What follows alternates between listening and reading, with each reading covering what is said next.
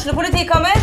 Ine Jansen er purk. Er du purk? The motherfucking bitch. Alt jeg vil, er å finne ut hva som skjedde med mannen min. Jon Carew. Er jeg sikta for noe? Iben Akeli. Det er du.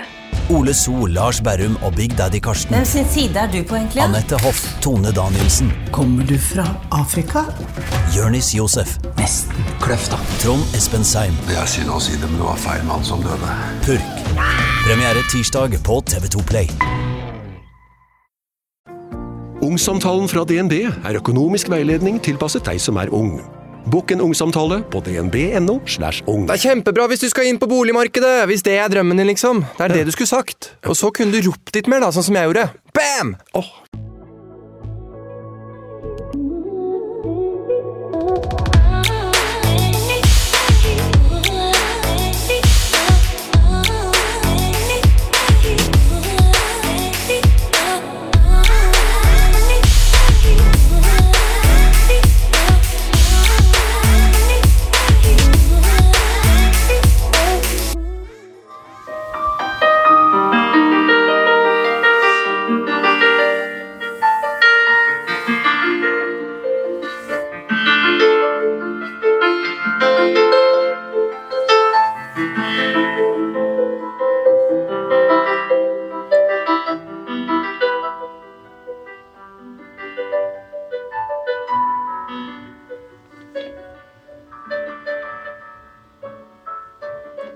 Dagens gjest i podkasten min, Sykt ærlig med Martine, ble misbrukt av sin egen bestefar i over ti år.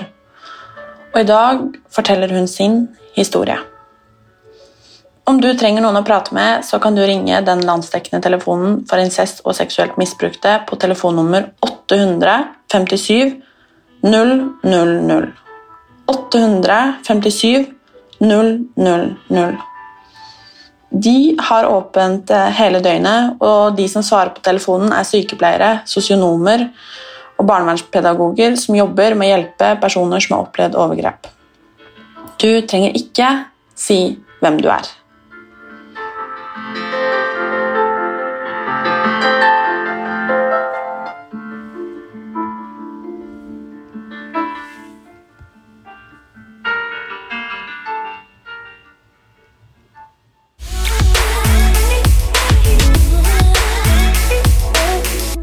Hva gjør man når man allerede ved fødsel har trukket en av de dårligste kortene for livet? Starten vil prege resten av livet ditt og ha en stor impact på nesten alt du skal gjøre fremover. Og uansett hvor hardt du vil jobbe for å ha gode kort i livet, så trumfer dette kortet alltid. Fordi du får ikke visket det bort, det forsvinner ikke. Uansett hva du gjør og vil, og tiden leger ikke dette såret, i alle fall ikke ennå fordi hos meg så har det med tiden blitt verre. Men det er håp for fremtiden. Det er det som er livlinen, at det skal være mulig å leve ok med dette. Mulighetene som ble, og blir borte uten at jeg kan gjøre noe fra eller til, uten noen makt eller bestemmelsesrett. Jeg mister det jeg elsker og har drømt om. Jeg ble fratatt en rett, noe grunnleggende, en byggestein, en trygghet, en trygg barndom, av noen som sto meg nær. Jeg fikk i stedet et liv med en evig kamp, en kamp for å holde hodet over vannet, for å orke å stå i det, for å orke og i det hele tatt å leve. Men det er det det gjør med deg, man rår ikke over det. Det er ikke noe jeg kan noe for, jeg har prøvd alt for å slippe å kjempe slik, med alle triks og behandling, men livet og traumene innhenter deg dessverre. I alle fall var og er det slik for meg. Så hva gjør man da, når livet er brutalt og vondt fra dagen? Jo, man flykter inni seg selv og forsvinner. Man fortrenger, man kan ikke huske å fortsette å leve. Dette var starten på mitt liv. Et liv fylt med frykt og kaos. Jeg var det barnet som ikke likte å få klemmer eller nærkontakt. Det barnet som hatet å ligge over til andre, det som gråt fordi jeg måtte sove borte, uansett hvem det var til. Det barnet som var stille og tøff, det som hadde mye sinne. Det barnet som hatet oppmerksomhet og bli sett, den som tisset seg ut om natten av mareritt natt etter natt. Jeg visste alle de typiske tegnene på at noe grusomt hadde skjedd. Jeg klarer ikke helt å huske eksakt den aller første gangen, for det var for mange ganger, og jeg var altfor liten da marerittet startet. Det er som om det alltid fantes, jeg husker ikke et annet liv, jeg kjenner ikke et annet liv. Alle disse opplevelsene har formet meg til den jeg er i dag, og gjort til at jeg er den jeg er, og det reaksjonsmønsteret som ikke alltid er like likt som alle andre. Jeg var det perfekte byttet i den perfekte posisjon. Jeg var barnebarn, og han var bestefar. En bestefar som alle trodde brydde seg så veldig. En bestefar som skal lose deg gjennom oppveksten som en trygg havn. En bestefar som skal lære deg om gamle dager. En bestefar som skal servere, server, servere is før frokost. En bestefar som skal være snill som dagen er lang. For meg ble det dessverre mitt mareritt og min livslange kamp, en veldig tøff kamp, en kamp jeg slåss med hver dag. Jeg husker det som det var i går, jeg skulle ligge over hos besteforeldrene mine, skulle sove på min tantes gamle rom. Et rom med en enkeltseng, et garderobeskap, en kommode og et lite bord og en benk. Hodeenden var mot døren, så jeg fikk ikke sett døren utenom da jeg snudde meg. Jeg husker det som det var i går, døren hadde en plakat eller et tapet på dørbladet som var vendt inn mot rommet. På tapetet var det et bilde av en liten jente på cirka min alder, med et sårt blikk som sto i døråpningen, med en bamse i hånden. Det er i alle fall slik jeg husker det. Jeg var sikker på at hun følte det samme som meg. Øynene hennes snakket til meg. Hun følte det samme. Hvorfor? Hvorfor meg? Hvorfor gjør du meg så vondt?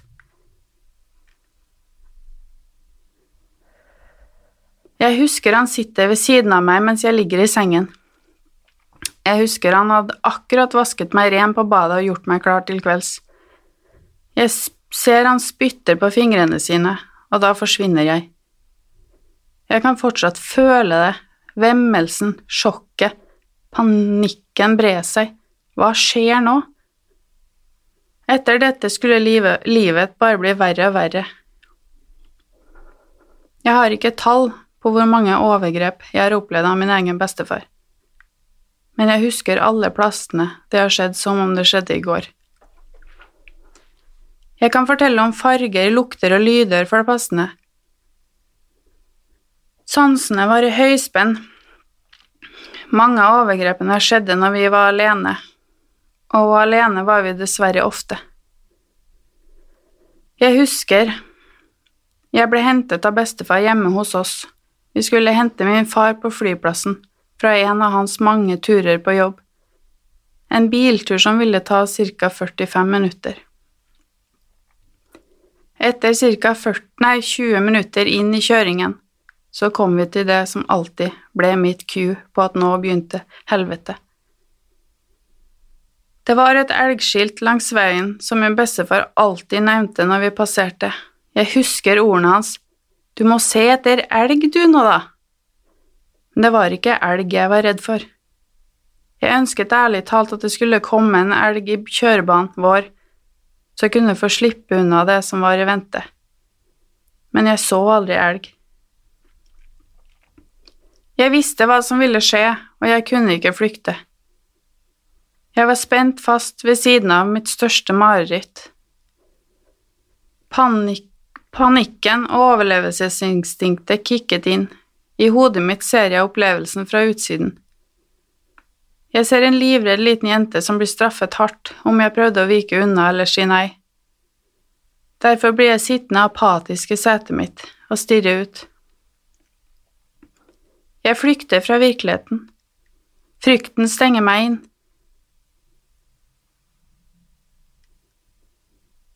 Hjernen min beskytter meg ved å la meg forsvinne inn i dypet.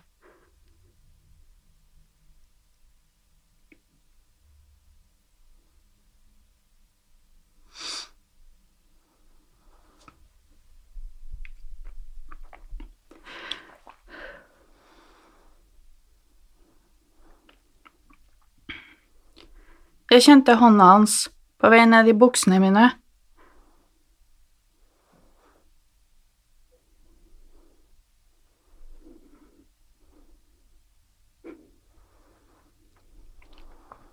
Etter noen minutter kjører vi inn på en lomme ved siden av veien. En som blir dekt av en liten skog mot veien så ingen kan se oss. Selvfølgelig måtte dette skje skjult, for han også skjønner at dette virkelig ikke er lov.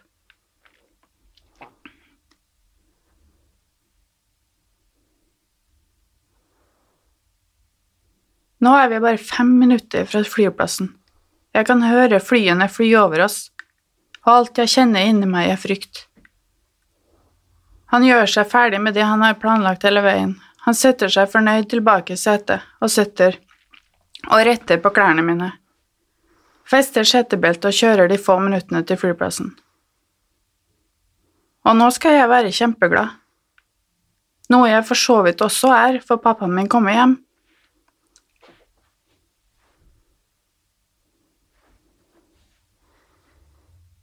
Men jeg hadde nettopp vært gjennom et seksuelt overgrep av en person som skal være en trygg havn. En trygg person. En person som skulle ha elsket meg og beskyttet meg for alt vondt i verden.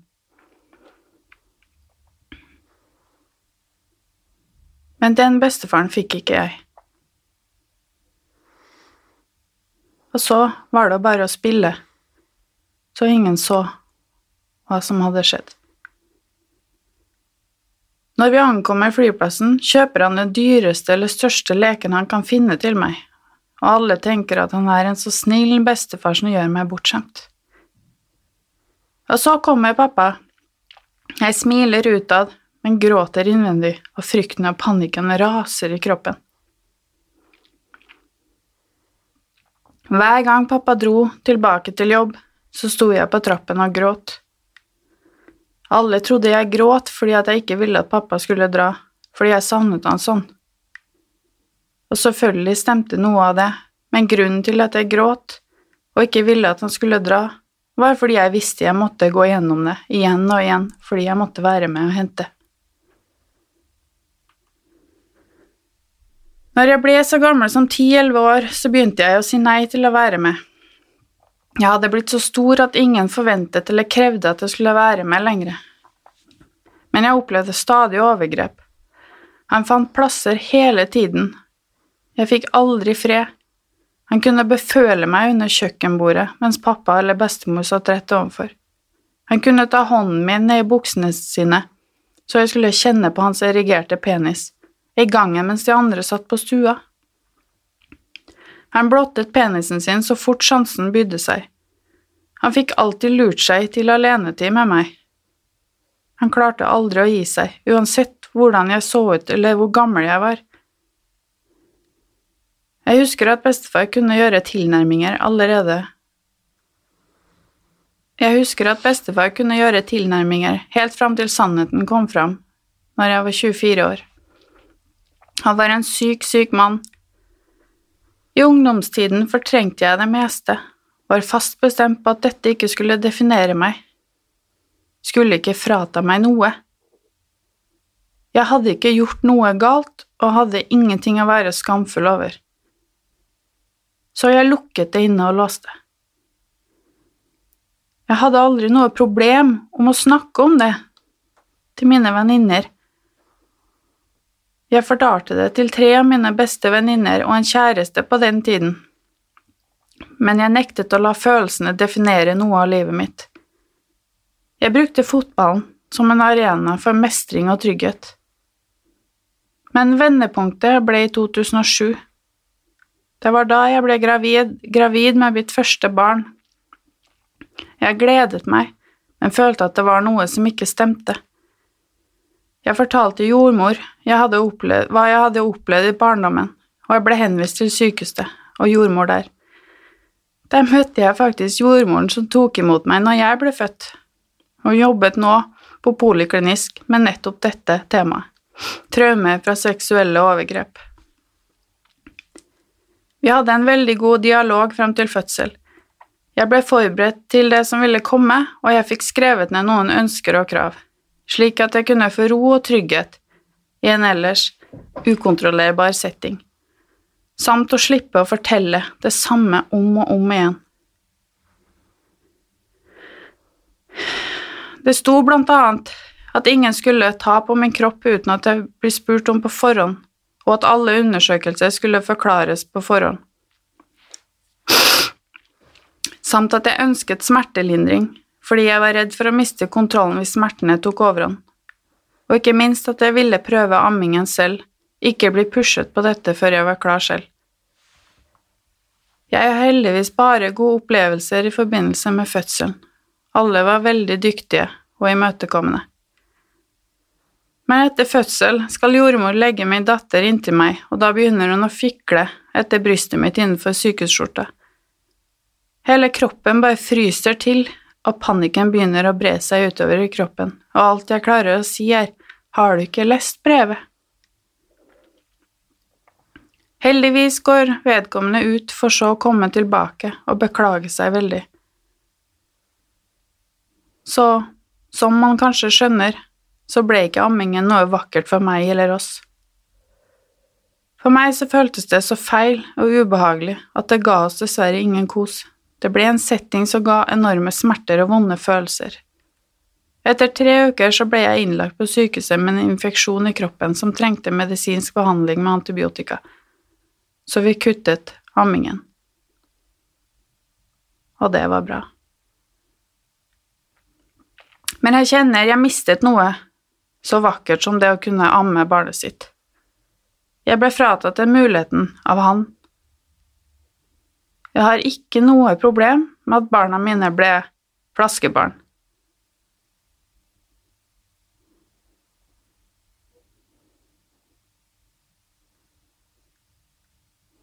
Men det er det at hans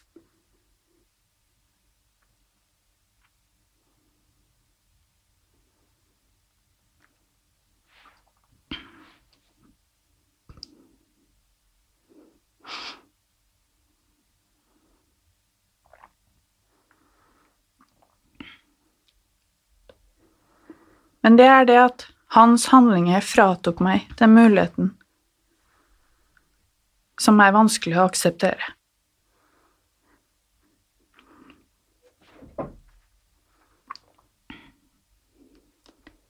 Og dette er en av de mange tingene han har stjålet fra meg. Mulighetene. Etter hvert som månedene gikk, så kunne jeg se ned på den lille, nydelige jenta mi en tillitsfull baby allerede fra det sekundet hun var født.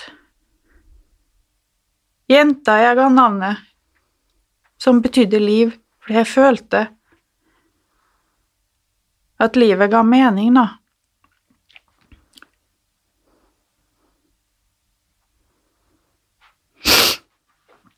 Livet ble verdt å leve, jeg husker følelsen av å stelle henne ga meg så enormt mange spørsmål. Hvordan kunne noen gjøre noe slikt mot et barn? Et uskyldig lite barn, hva får folk til å gjøre slikt? Hva får folk til å skade et menneske på dette viset? Disse spørsmålene surret inn i hodet mitt hele tiden, og det ble altoppslukende. Hvordan kunne han gjøre meg så vondt? Jeg var jo ikke annet enn snill mot han. Hvorfor var han slem mot meg? Jeg kjente den enorme muren jeg hadde bygd opp for å klare å overleve, og var i ferd med å falle sammen i rekordfart. Så jeg skrev et brev til min fastlege om at jeg trengte hjelp til å håndtere de traumatiske hendelsene jeg hadde opplevd i livet. Derfra begynte ballen å rulle. Jeg fortalte hva jeg hadde opplevd, til min tante først, så mine foreldre. Han ble anmeldt i 2008. Rettssak ett år etter, der han blir dømt, han anker og ny rettssak. Der jeg mener å huske at det ble tatt hensyn til at han begynte å bli gammel og dement. Han får rett og slett rabatt fordi han er gammel, mens jeg må lide resten av livet. Han slapp å sone, han fikk ingen straff, han slapp unna med å ha ødelagt mitt liv. Hvor er rettferdigheten i det? Hvordan kan man få strengere straff for å stjele et kunstverk eller skyte en bjørn, eller ha fått litt for mye penger av Nav når du ikke skulle hatt? Han ødela mitt liv og tok fra meg alle muligheter. Jeg tror mange ikke forstår hva det gjør med en å vokse opp med å være livredd hele tiden med å oppleve, gjentatte overgrep fra et menneske som skal elske og beskytte deg fra farer. Når kroppen din er i konstant alarmberedskap, så ødelegger det for en naturlig utvikling i et barn. Jeg har ikke fått mulighet til å bli den jeg kunne bli. Jeg fikk altfor mye tung og vond bagasje til å utvikle meg som jevnaldrende trygge barn. Min oppvekst var preget av kaos, sinne, traumer, panikk og frykt. Den handlet rett og slett om å overleve. Og dette gjør noe med et menneske. Jeg har hele livet vært en positiv person som mener at det vil ordne seg, det vil gå bra. For det må det. Det er ikke annen mulighet og fordi jeg har vært bevisst på at han ikke skal få lov til å ødelegge for meg. Jeg brukte fotballen som terapi, jeg trente hardt, var den som var knallhard i dueller, den som kjeftet på motspillere og dommeren, og innimellom medspillere. Det er ikke noe jeg i dag er stolt over, men det var min måte å avreagere på. Jeg tok mitt sinne ut på andre, og jeg er lei meg for hvis jeg såret noen på veien. Jeg var god i min idrett, jeg fikk selvtillit, jeg følte mestring, det var en trygg plass. Fotballen ble mitt liv, og jeg fikk oppleve toppserien, og det var fantastisk. Så ble jeg gravid, som nevnt tidligere. Jeg husker at jeg tenkte i oppveksten at det var han som var syk, det var min måte å forholde meg til det hele. Jeg måtte ha en forklaring. Hvorfor han var syk. Jeg ville ikke gi det mer plass enn det allerede hadde tatt. Jeg ville ikke bli belastet med det, jeg ville bare glemme. Alle de vonde følelsene ville jeg ha bort. Jeg ville ikke la det definere meg eller påvirke meg videre men det er bare til et visst punkt man klarer å ha kontroll, og når jeg ble gravid, ble det et vendepunkt. Muren falt stein for stein. Til slutt ble jeg så syk at jeg ikke klarte hele livet. Jeg fikk diagnosen kompleks PTSD, som innebærer at man opplever gjentatte traumer av noen i nær relasjon. Man lever i frykt så å si 24-7. Det å miste muligheten til å klare å jobbe når du elsker å være en del av et samhold. Du elsket jobben din, du elsket å være til hjelp, du elsket å bruke hjernen, du elsket fellesskapet. Man vil rett og slett jobbe, men får det ikke til fordi man er syk fordi han gjorde som han gjorde. Utdannelsen føltes plutselig så bortkastet. Hva var vitsen med fire og et halvt år på universitet, universitetet når jeg ikke får bruk for det? Jeg drømte om små ting jeg ville gjøre sammen med barna mine når jeg fikk barn, men som nå er tatt ifra meg. Det er de små tingene som bare det å gå søndagstur. Eller det å være fotballtrener for barna mine. Jeg kan ikke det, for jeg vet ikke om jeg har energi eller kapasitet til å være mer enn akkurat bare mamma. Jeg blitt tatt fra det jeg har elsket siden jeg var barn.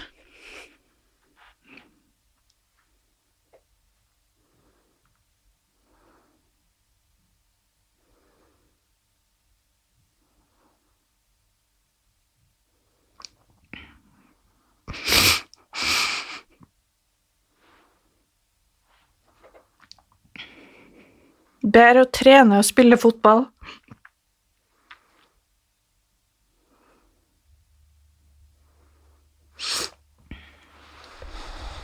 Nå klarer ikke kroppen min å trene lenger. Den reagerer med sterk sykdomsfølelse, med feber og influensasymptomer når jeg presser den for mye. Og daglig våkner og sovner jeg med intens hodepine.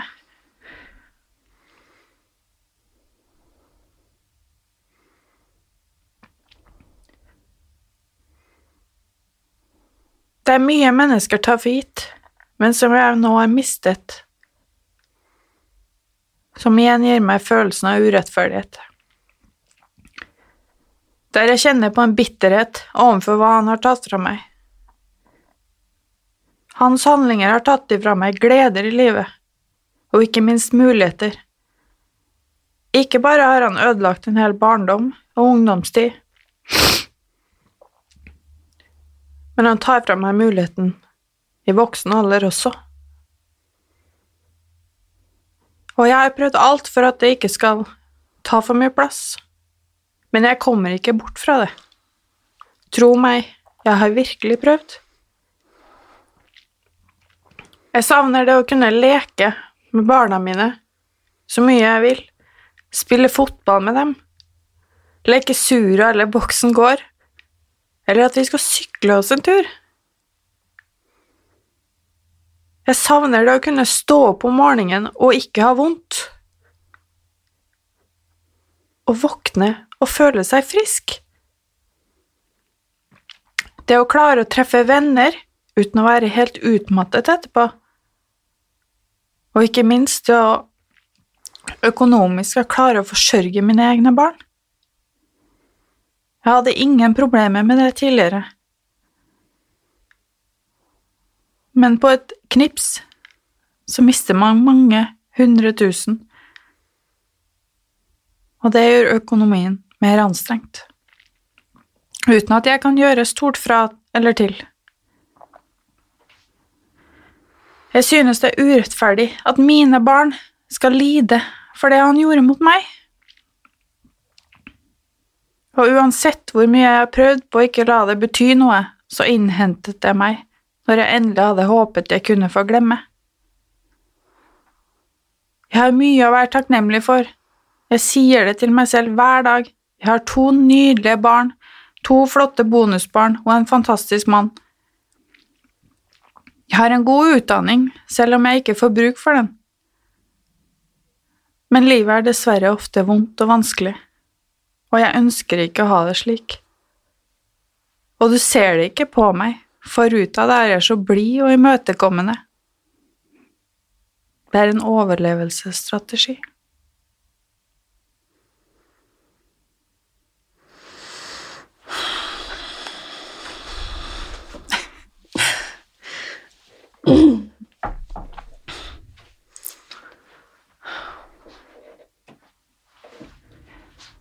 Jeg uh...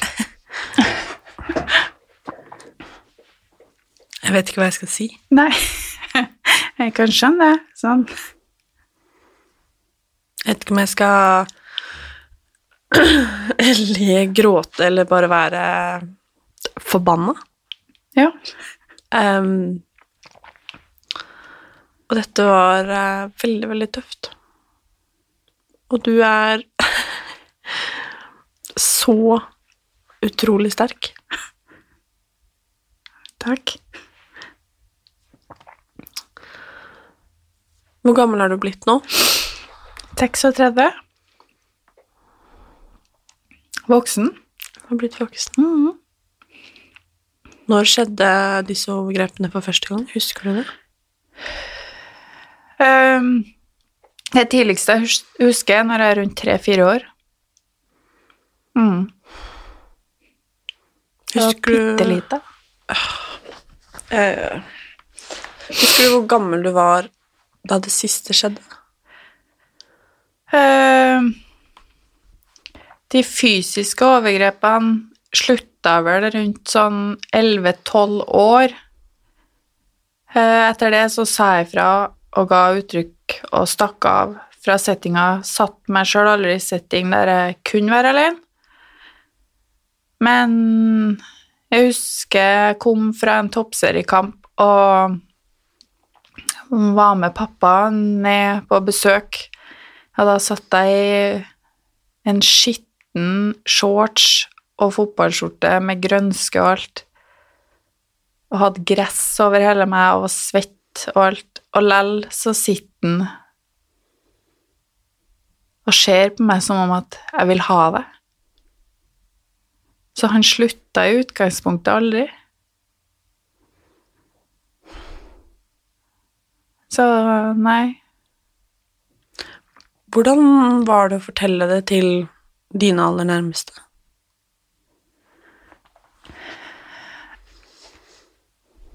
Det var øh, fælt.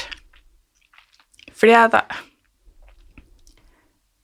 Det var verst kanskje å fortelle det til pappa, fordi at jeg var så redd for at Først og fremst at de ikke skulle tro meg, for at jeg så jo deres forhold, bestefar og pappa. Så jeg var redd for at det trumfa alt. At, men det var liksom aldri noe tvil. Det var akkurat som de følte, familien, at alle de rare tingene jeg gjorde eller reagerte på, og det falt bare Puslebrikkene bare falt på plass. Det var akkurat som dem Å, herregud, ja, det stemmer jo. De skjønner jo nå. Så um, Men det var fælt, ja. Men jeg måtte bare Fordi jeg hadde ikke kjangs, så det måtte bare briste eller bære. Du gikk jo inn i noen ungdomsår mm. som gjerne er eh, litt sånn spennende, og man skal utforske, og um, Da kanskje mange normalt sett debuterer. Mm. Um, hvordan var det? Nei, det var Jeg vet ikke om det er fordi at jeg opplevde overgrep, da. Og jeg prøvde å fortrenge det, sånn at jeg ga ikke noe rom i den tida. Jeg klarte å fortrenge det, klarte liksom å stenge det bort. Så jeg føler på et vis at jeg hadde et normal, eller ja, jeg vet jo ikke hva normal er, selvfølgelig, men jeg føler at jeg har ikke noen vonde følelser i forbindelse med å debutere eller sex som ungdom sjøl, fordi at jeg klarte å fortrenge så godt som jeg gjorde. Eh, Men jeg har alltid vært bevisst på at eh, jeg har aldri hatt sex med noen jeg ikke har vært glad i, eller har vært trygg på. Så har jeg aldri bare hatt sex for å ha sex. Uh, samt at jeg alltid hatt et Jeg har valgt å ikke drikke alkohol. Rett og slett fordi at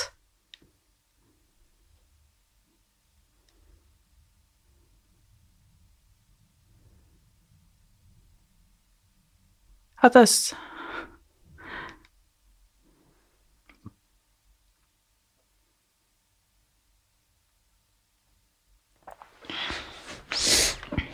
Bruk den tiden du trenger.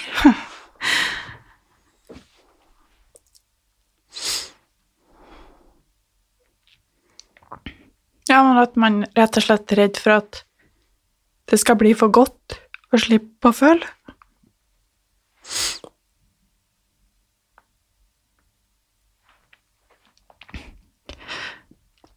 Og han som var oppnevnt som sakkyndig i rettssaken, han sa jo det at han tror jo at det valget har gjort det at jeg har det relativt greit i dag, da. Fordi at Jeg var på den andre enden av skalaen enn de som ofte tyr til alkohol eller narkotika, som igjen blir narkomane eller avhengig eller prostituert. Så Ja, men det har vært et bevisst valg hele veien, og det er det jo selvfølgelig ennå.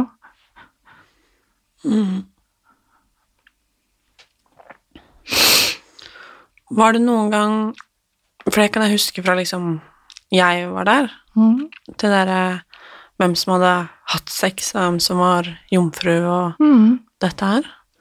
Hvordan Ja. håndterte du det? Eh, jeg kan ikke huske at det var så mye fokus på det i min eh, vennekrets. Jeg husker at jeg var mest en del av guttene fordi at jeg spilte fotball.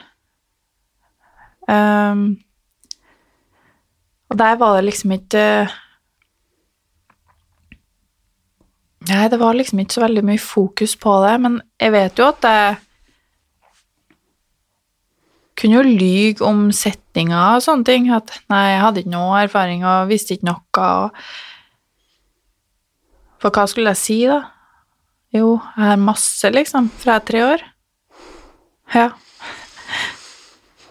Så blir det jo som man serverer en løgn, da, fordi at ikke man ønsker at folk skulle få innblikk. Det var kun de nærmeste som fikk vite. Har du fortalt det høyt før? Til andre enn dine nærmeste? Eh, jeg er ganske åpen om hva som har skjedd meg, hvis noen spør, men selvfølgelig ikke på sånn følelsesmessig plan, som det blir som det her. Mm. men jeg har ikke noe problem når folk tilfeldig spør ja, hva jobber du med? Da blir det sånn nei, du er hjemme, jeg er sjuk. Så ser du at det ligger en sånn elefant i lufta, liksom.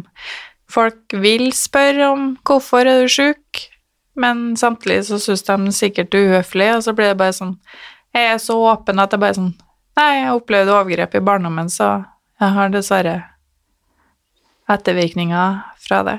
Mm. Og vi snakker jo ofte om Og altså, alle er jo enig i dette her. Overgrep er helt forferdelig. Ja. Det er som jeg pleier å si, at uh, alle er jo helt enig i at overgrep er forferdelig mot barn og voksne, og alt generelt. Um, men det er jo ingen som gjør det. det er jo litt rart med det. Men um, For det skjer jo. Mm. Og vi snakker jo veldig lite om konsekvensene.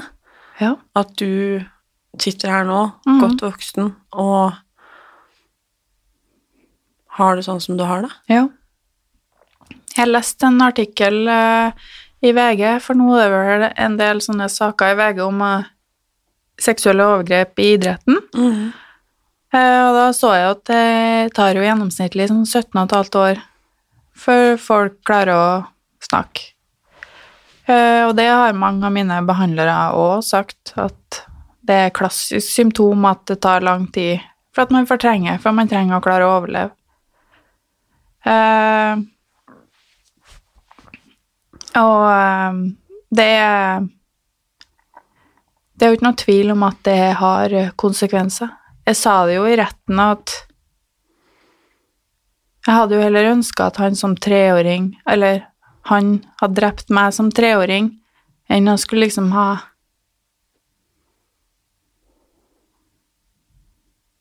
Lev det livet her, da. Det er ganske tøft. Ja. Det er jævlig tøft. Er du glad for at selv om han slapp så billig unna han bare kunne, er du glad for at du gikk til sak?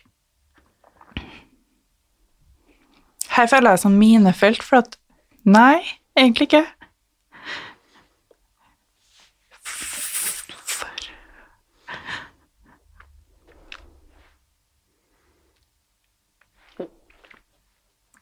Nei, egentlig ikke. Mest fordi at Jeg føler ikke at det kom noe rettferdighet ut av det. Så det å gå gjennom en sånn prosess som varte over tre år, der du nesten hver dag fra anmeldelse til siste rettssak går gjennom alle detaljene for å prøve å få det så mest mulig kronologisk som overhodet mulig. For å klare å skape den røde tråden, så at alle sammen skal tro det. Altså det å bare gjenta til seg sjøl alle settinger, alle overgrep, bare se bildene i hodet sitt Nei, jeg vet ikke. Ikke når det ikke ble noe utenfor. Han får ikke noe straff, han får ikke svi på noe som helst vis. Han hadde jo sagt det, pappa møtte han Pappa utafor uh, rettssalen. Da kom han gående mot pappa, og så sier han ja, nå har jeg, og så navnet mitt, altså, stelt i stand, ja. Som om det var jeg som hadde stelt i stand det her. Og da pappa holdt nesten på å fly på han, så begge advokatene fra hver sin side måtte liksom skille dem. Men Og jeg hadde med meg ei venninne i rettssaken som fikk lov å sitte der. Hun satt og så at han skrev min eldste datter sitt navn på blokka si.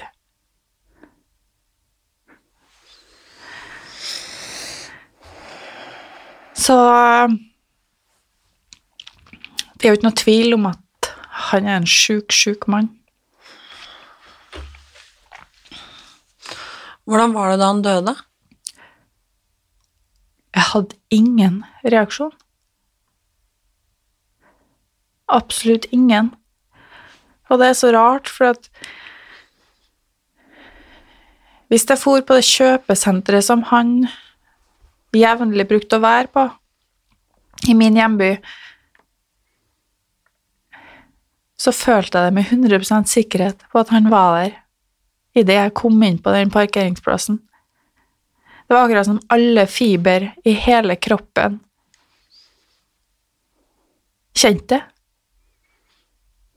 Jeg var Og jeg så, endte opp med å se han eller bilen hans hver gang. Så den følelsen den stemte alltid. For jeg kunne komme kjørende inn på den parkeringsplassen og ikke ha den følelsen. Men når han var her, så var det akkurat som hele kroppen skjønte. Og jeg var jo livredd for å møte ham, for jeg følte meg som jeg var fire år og ble apatisk hver gang jeg møtte ham. Så derfor fikk vi han sittende bak meg når jeg hadde vitnemål i retten, så jeg slapp å forholde meg til hans uh, oppsyn, da, rett og slett.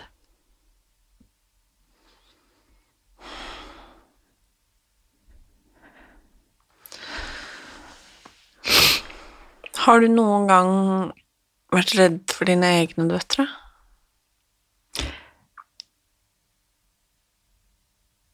Jeg er vel mer bevisst på at det kan skje, så Og jeg tror ikke noen i min familie har tilbøyninger til å gjøre det utenom bestefar, men jeg var bevisst på at ingen fikk passe mine døtre før de kunne snakke, sånn at de kunne fortelle hvis det var noe som har skjedd. Sånn at de kunne ha noen ord som kunne eh, beskrive noe.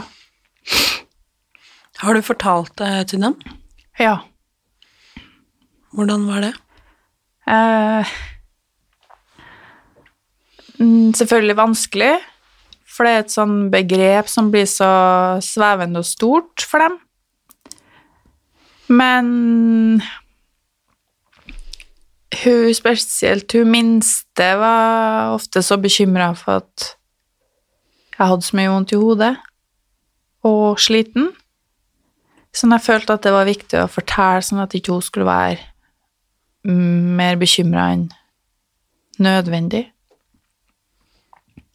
Eh, nå er vi heldige, for eh, begge mine døtre har hatt besøk av SMISO, som er Senter for incest, som har uh, fortalt dem litt hva som er lov, og hva som ikke er lov, og vist de ulike tegninger og sånne ting, så de visste hva jeg snakka om. Men du må jo selvfølgelig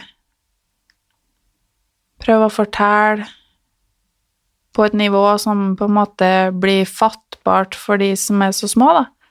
Mm.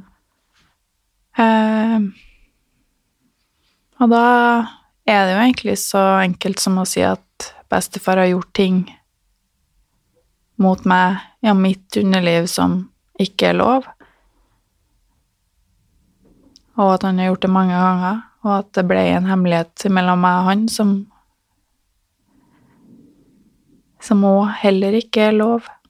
Så det er sånn som jeg jevnlig snakker med jentene om. For at de skal vite at de har lov til å bestemme sine egne grenser. For at de skal forstå at jeg er der hvis det skal være noe vanskelig de opplever. Og at jeg vil at de skal forstå hva som er rett og galt. Mm. Hvordan var det å gå inn i et forhold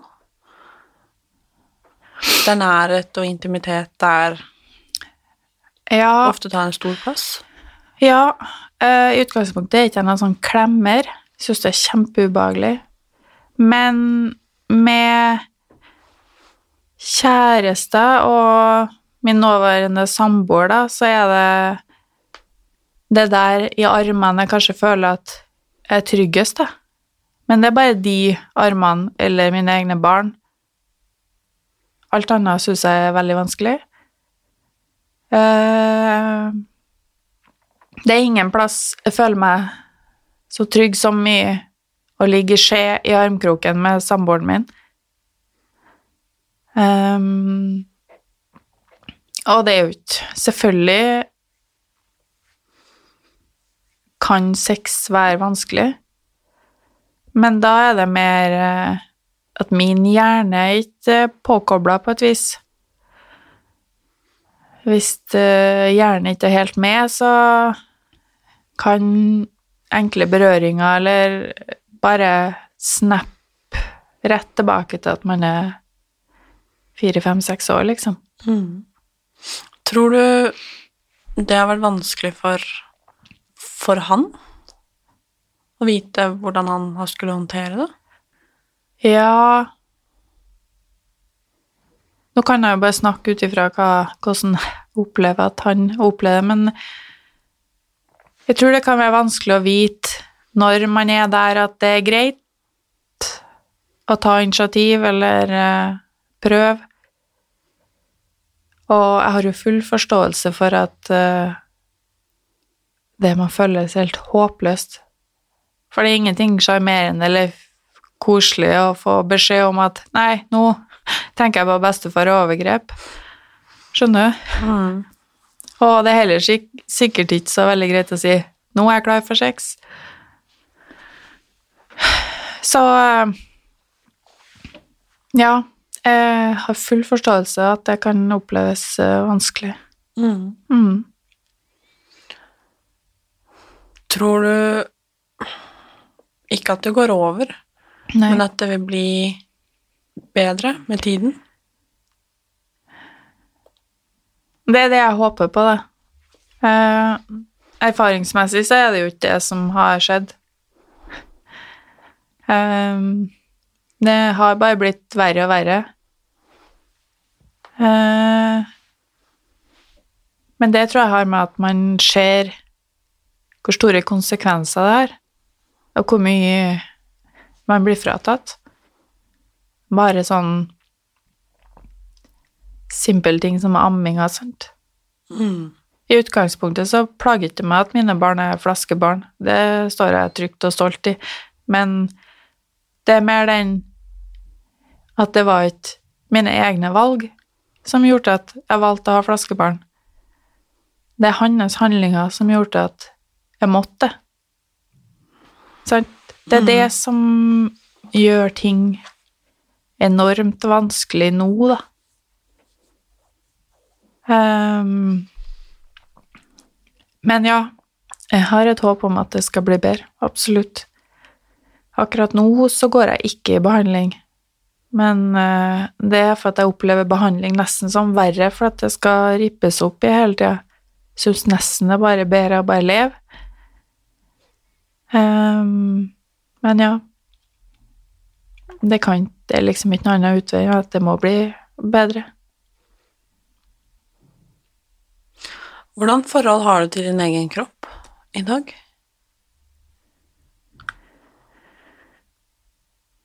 Eh, hva skal man si? Eh, jo, i utgangspunktet så har jeg et greit forhold til min egen kropp. Eh, igjen så er det det at jeg er fratatt muligheten å trene, sant, som ga meg enormt mye.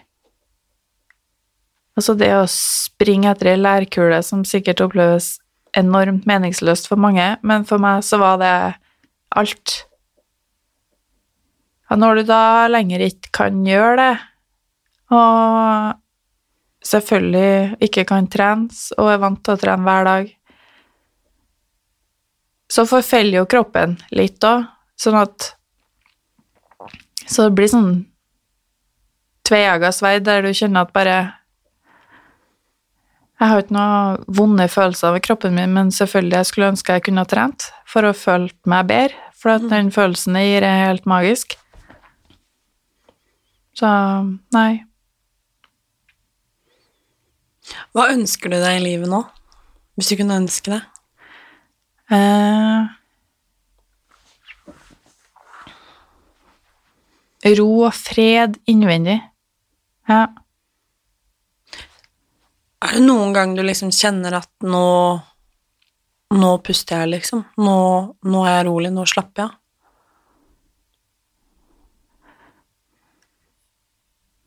Ja Det er når jeg maler av alle ting. Og jeg er ikke noe kunstnerisk i det hele tatt, men det er både det å male på lerret og det å male på vegg, som pusse opp, skifte farge i stua, eller Da er jeg i min egen verden, og da får jeg en sånn ro, og da har jeg på jazz i bakgrunnen, og da er det bare behagelig. Mm. Så fint. Ja. Men jeg kan jo ikke pusse opp hele tida. Nei, det er rart med det. Hver gang folk kommer på besøk, så er det ny farge. Ja, nei, uff, ja. Dette ble jo ikke plukka opp. Nei. Eller I førsteklassen på barneskolen så ble det sendt bekymringsmelding. Eh, jeg husker det ikke, men eh, da har jeg visst vært i samtaler med psykolog og til en eh, GU. Hva er det? En gynekologisk undersøkelse. Ok. Mhm. Eh, der kom det vel frem at det var veldig sår nedentil, men de kunne ikke med 100 sikkerhet si noe. Eh, Bekymringsmeldinga kom av en lærerstudent, fordi at jeg rett og slett hadde spurt han om han kunne vise meg hvor stor pikk han hadde. Og det er jo ikke et normalt ordforråd for en sjuåring. Så um, Men eh, mamma og pappa ble innkalt, og jeg har forstått det sånn at det ble lagt fram litt sånn at de la litt sånn skyld på at det kunne være pappa, da. Så jeg tror det var fryktelig vanskelig for han å stå i det. Eh, nå er det ikke noe jeg han har snakka om, men jeg har hørt det blitt nevnt. Men, eh, men etter det så Nei, og jeg hadde alle klassiske tegn på at noe har skjedd, så Nei. Det er rart, egentlig. Var det noen gang noen som spurte? Nei. Skulle du ønske noen hadde spurt? Ja, jeg tror det. Men jeg tror de måtte ha spurt mange ganger. Og så tror jeg de måtte ha vært en sånn genuin følelse av at de brydde seg, hvis du forstår. Mm, Ikke bare sånn 'hvordan det går'. Jo, det går fint. Det er jo det man svarer alltid. absolutt. Det svarer jo jeg jo alltid. Selv om hele innvendig kan rakne, så er det sånn Nei, går kjempefint. Det går så fint at det Mm. Men hva kan vi som voksne gjøre overfor barna, liksom? Ja. Enten om man er lærer, eller man er fotballtrener, Ja. eller om man bare er tante, for den saks Ja. skyld, liksom. Jeg tror man må tørre å tro at sånt kan skje, først og fremst. For det skjer dessverre altfor mye. Eh, Min setting er ikke noe unik i den forstand. Um, Jeg tror det er snakk om at én til ti eller en, to av ti som opplever en form av overgrep. Sånn at eh, man må tørre å tro, og så tror jeg man må ta seg tida til å snakke med de man er redd for at opplever noe sånt. Og jeg tror det er utrolig mange måter man kan gjøre det om man tenker at man skal tegne noe, eller bare spørre. Jeg skjønner at man ikke kan være for ledende, selvfølgelig, men hvis du spør hva den og den, eller sånn, hva gjør du med dine nærmeste, da? Så et barn som ikke har opplevd overgrep, sitter jo ikke og forteller at han tar på tissen til noen, for eksempel. Fordi de gjør jo ikke det, så det er jo ikke naturlig for den barna å svare. Og så må man tørre, da. Tørre å konfrontere, tørre å spørre. Og selvfølgelig spørre med en viss ydmykhet, så ikke Men hadde jeg fått en sånn bekymringsmelding fra skolen nå vedrørende mine barn, så hadde jeg jo åpna alle sanser for at å se hvordan reaksjonsmønstre de har overfor alle og enhver i familien. Jeg hadde jo ikke sabla det ned og tenkt at nei, det skjer ikke mine unger, nei. Så nei, Tror du det er mange som gjør det? Ja. Jeg tror det er for fælt å tenke at det kan skje, rett og slett. Altså, tror ja. Jeg tror rett og slett at det er for fælt å tro at det kan skje. Mm. Tror du vi burde bli flinkere til å snakke med barn om grenser? Ja, absolutt. Eh, grenser for egen kropp og grenser for andres kropp, og hva som er gode og greie hemmeligheter å holde. Hvis for eksempel jeg har sagt til mine barn at hvis de får av sine venninner at hør at noe sånt skjer, og de sier at det skal være en hemmelighet dem imellom, så er det ikke en hemmelighet som er ok å holde. Da må de fortelle meg. For da må vi hjelpe det barnet. Mm. Og man sladrer ikke, da. Man hjelper. Så jeg tror det er viktig å snakke, vi foreldre, skole, barnehage. Tror du at du har fortrengt mye, eller tror du at du husker alt? Um, jeg har garantert fortrengt noe, fordi at jeg kan huske plasser, men jeg husker ikke eksakt hva som har skjedd. Men jeg kan kjøre ulike plasser, så kan jeg bare Å, herregud, hvorfor gir det her meg så forferdelig ekkel følelse? Ehm, men på grunn av at jeg måtte sitte i tre år og tenke og tenke og tenke og tenke på det, så føler jeg at jeg husker ja, altfor mye, da, egentlig. Mm.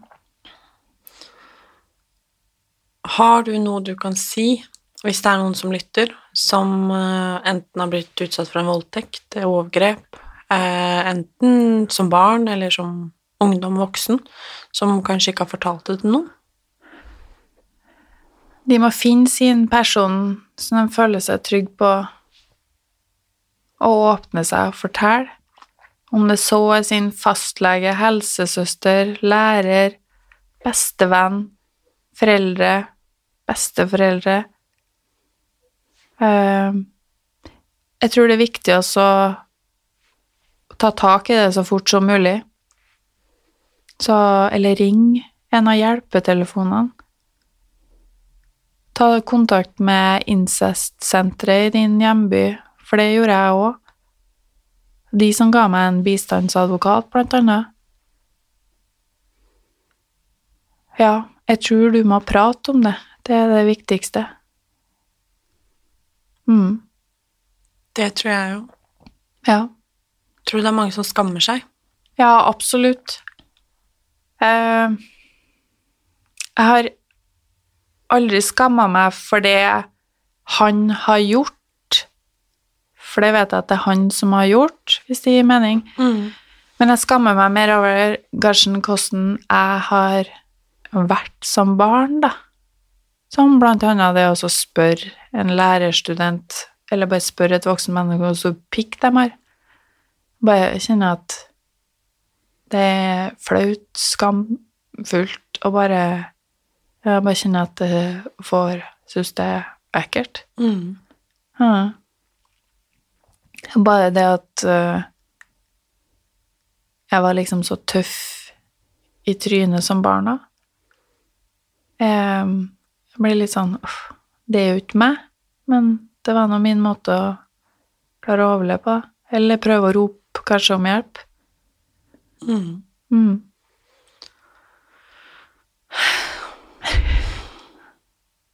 Jeg er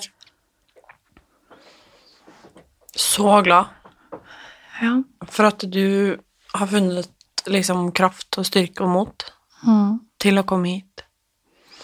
Og dette må vi snakke i hjel. Mm. Absolutt. Um, vi må lukke opp øynene, vi må tørre å gå inn i de rommene som er ubehagelige. Vi må ta ansvar, Ja. snakke sammen, Mm. si ifra hvis du tror noe, noe ikke stemmer. Mm. Våge. Ja. Og jeg tenker sånn at når du har turt å komme hit og dele det her med oss, så må søren meg vi andre tørre å snakke om det, vi også. Ja. For uh, ingen fortjener å oppleve det du har opplevd. Nei, det er ingen som fortjener å oppleve det. Og vi kan gjøre det bedre Mm. for noen vi er glad i eller bryr oss om eller vet om. Mm. Om det er en nabo, en elev, en som barnet vårt eller barna spiller på lag med, eller om det er tanteunge, eller altså Mm. uansett hva det er. Det er vårt ansvar. Ja. Så tusen, tusen, tusen takk. Sjøl takk. Jeg eh, I dag gjorde du en forskjell. Mm, Får håpe det. Det vet jeg at du gjorde. Takk. Tusen takk. takk.